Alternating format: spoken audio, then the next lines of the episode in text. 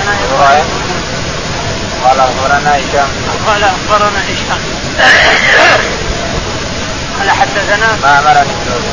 معمر عن الزهري. قال عن عروه عروه عن قال أخبرني أسامة بن عن أسامة بن زيد رضي الله تعالى عنه. أن النبي عليه الصلاة والسلام ركب على حمار عليه قطيفة فدكيه يعني سجادة منطية من فدك فدك مريم حدائق كبيرة من النخيل قريب خيبر تابعات لخيبر يقول عليه قطيفه فدكيه ثم مر عليه الصلاة والسلام. على أخلاق فيهم المنافقون راسهم عبد الله بن أبي بن سلول وفيهم المسلمون راسهم عبد الله بن رواحة وفيهم اليهود أيضا. فسلم عليهم ونزل عليه الصلاة والسلام. فقال ابن أبي لا تغبر علينا بحمارك يا هذا. ارجع إلى مكانك فمن أتاك فاقصص عليه. فاقصص عليه ان كان حقا. ولا تكتمه فقال عبد الله بن رواحة رضي الله عنه فاتنا يا رسول الله. وغبر علينا فإننا نحب ذلك. وكاد أن يتواثب المسلمون والمنافقون معهم اليهود. المنافقون معهم اليهود والمسلمون قدرهم عبد الله بن رواحة رضي الله تعالى عنه.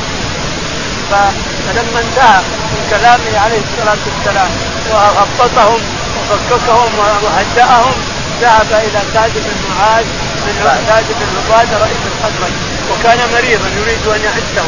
الرسول عليه الصلاة والسلام بلغه أن سعد بن معاذ عند الخزرج سعد بن عبادة رئيس الخزرج أنه مريض فأتى يزوره على هذا الحمار ومعه أسامة بن زيد.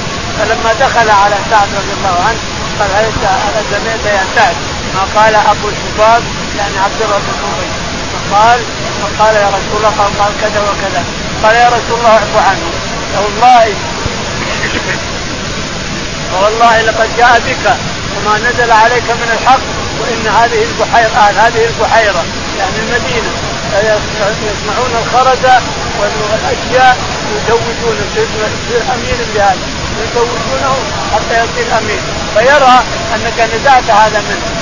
يزوجونه ويصير امير يجمع الخرج له. فلما جاء الله بك فبما نزل عليك من الحق أن يرى أنك تنبأ هذا الحق الذي تريد أن يزوجون أهل البحيرة يعني أو البحره يعني المدينة رضي الله عنها عن اهلها قال اعفو عني يا رسول الله. فعفى عليه عنه رسول الله.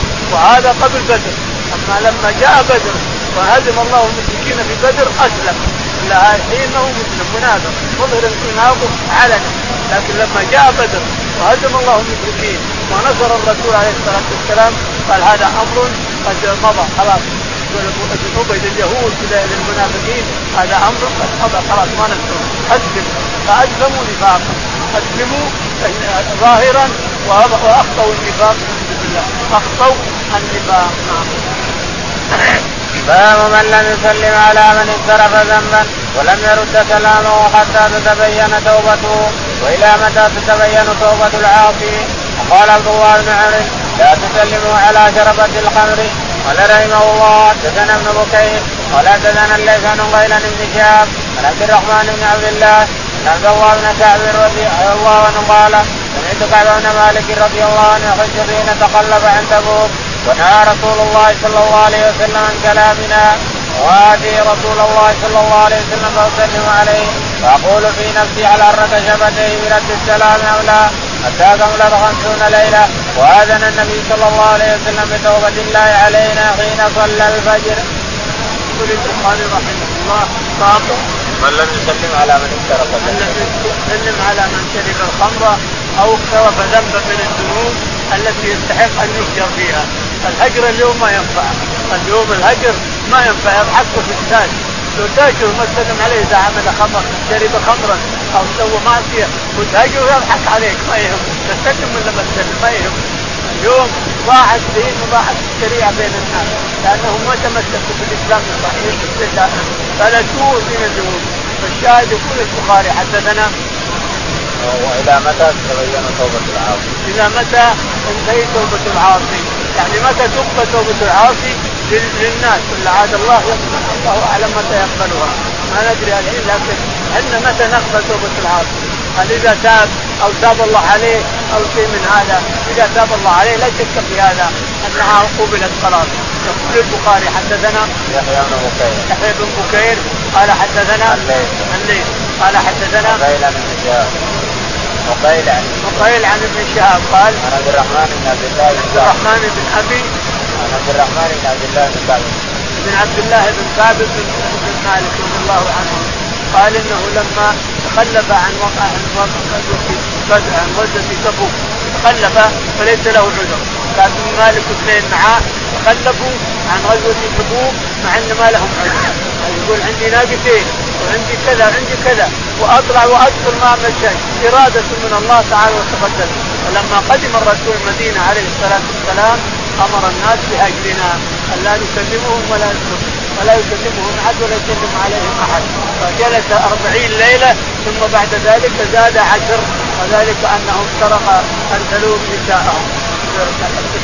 اعتزلوا نساءهم. فتم خمسون ليلة. ولكن الله تاب عليهم بما رأى من صحيحهم وأنهم مسلمون حقا وأنهم لو يبكون الليل والنهار لا كعب ولا الاثنين معه.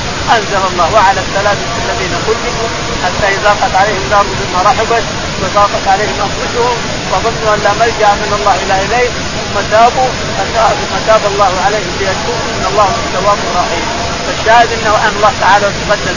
بقاء خمسين نزلت هذه الآية وعلى السلام فجاء كان الرسول مسترير مستنير في وجهه عليه الصلاة والسلام كانه قطعة قمر يقول فعرفت ان أن الله احرق دوحه فقالوا أبشر خير خير يوم ولدتك أمك يا كعب امنك ام من من الله أنا أنا يوم يوم العمل أنا وأنا شاك فيك وهاجرت.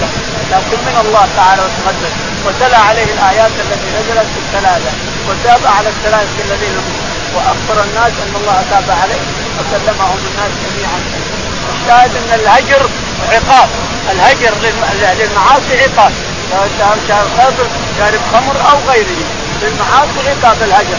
إذا كان ينفع فإنه عقاب تهجر ولا تسلم عليه. يهجر المسلمون ولا يسلمون عليه اطلاقا. إذا كان ينفع كان عقاب وينفع وإلا فهو ضعيف. نعم.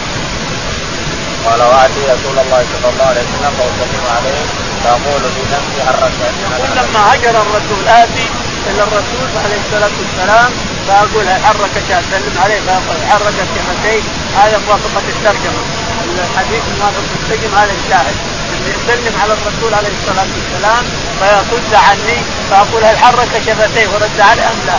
ما حرك شفتيه لأنه هاجر وخلاص نعم. باب كيف يرد على أهل ذمه السلام قال رحمه الله حدثنا ابن اليمان قال أخبرنا شعيب بن الزهري قال أخبرني عروه ان عائشة رضي الله عنها قالت قال رهط من اليهود على رسول الله صلى الله عليه وسلم فقالوا السلام عليك ففهم السلام عليك ففهمتها فقلت عليكم السلام واللعنة. قال رسول الله صلى الله عليه وسلم علي عائشة إن الله يحب الرفق بالأمر كله. قلت يا رسول الله لم تسمع ما قالوا. قال رسول الله صلى الله عليه وسلم فقد قلت وعليكم. يقول البخاري رحمه الله باب كيف يرد على كيف نرد على اليهود يسلم عليه سلم عليه اليهودي أو يهود جميعا كيف نرد عليهم؟ يقول البخاري رحمه الله حدثنا أبو اليمان أبو اليمان قال حدثنا شعيب عن الزهري شعيب عن الزهري قال عن عروة عن عائشة عروة عن عائشة رضي الله عنها أن يهودا دخلوا على النبي عليه الصلاة والسلام فقالوا السلام السلام السلام عليك يا محمد. فقالت عائشه رضي الله عنها عليكم السلام واللعنه السلام يعني الموت. السلام عليك يعني الموت. فقالت عائشة عليكم السلام واللعنه فقال بما ليش يا عائشة إن الله رفيق يحب الرفق ولا يقول الرفق شيء إلا زانه. لم تسمع قالت لم تسمع ما قالوا؟ قال لم تسمع ما قلنا استجابوا لنا ولا استجابوا لهم؟ ان قلنا السلام عليكم استجابوا لنا وهم استجابوا لهم. قال رحمه الله حدثنا أبو بن يوسف قال أخبرنا مالك عبد الله بن دينار عن عبد الله بن عمر رضي الله عنهما رسول الله صلى الله عليه وسلم قال إذا سلم عليكم اليهود فإنما يقول أحدهم السلام عليك فقل وعليك. يقول البخاري حدثنا عبد الله بن عبد الله بن يوسف قال حدثنا مالك. مالك قال حدثنا عبد الله بن دينار عبد الله بن دينار قال عبد الله بن عمر. عن عبد الله بن عمر رضي الله عنه قال رسول الله صلى الله عليه وسلم قال إذا سلم عليكم اليهود فإنما يقول إذا سلم يقول الرسول عليه الصلاة والسلام إذا سلم عليكم اليهود فقولوا السلام عليكم وعلى السلام عليكم. وانما يقول أحدهم فإنما يقول أحدهم السلام عليك يعني الموت عليك فرد عليك السلام عليك والسلام عليك يعني حتى وانتهى الموت عليك. ويستجاب للمسلمين ولا يستجاب لليهود إن شاء الله. قال رحمه الله. حدثنا عثمان بن أبي شيبة. قال حدثنا شيء قال أخبرنا عبيد الله بن أبي بكر بن أنس. قال حدثنا أنس بن مالك رضي الله عنه قال قال النبي صلى الله عليه وسلم إذا سلم عليكم أهل الكتاب أهل الكتاب فقولوا وعليكم. يقول البخاري رحمه الله حدثنا عثمان بن أبي شيبة. عثمان بن أبي شيبة قال حدثنا حسين قال حدثنا عبيد الله بن أبي بكر. عبيد الله قال حدثنا عن جده انس عن جده انس بن مالك رضي الله عنه أن النبي عليه الصلاة والسلام قال إذا سلم عليكم اليهود فقولوا وعليكم. لانهم يقولون السلام عليك فان ترد عليهم. وعليكم. يعني وعليك السلام فيستجيب الله للمسلمين ولا يستجيب لليهود. نعم. باب من نذر في كتاب من يحذر على المسلمين. اللهم اهدنا فيمن هديت، عافنا فيمن عافيت، تولنا فيمن توليت، اللهم توفنا مسلمين والحقنا بالصالحين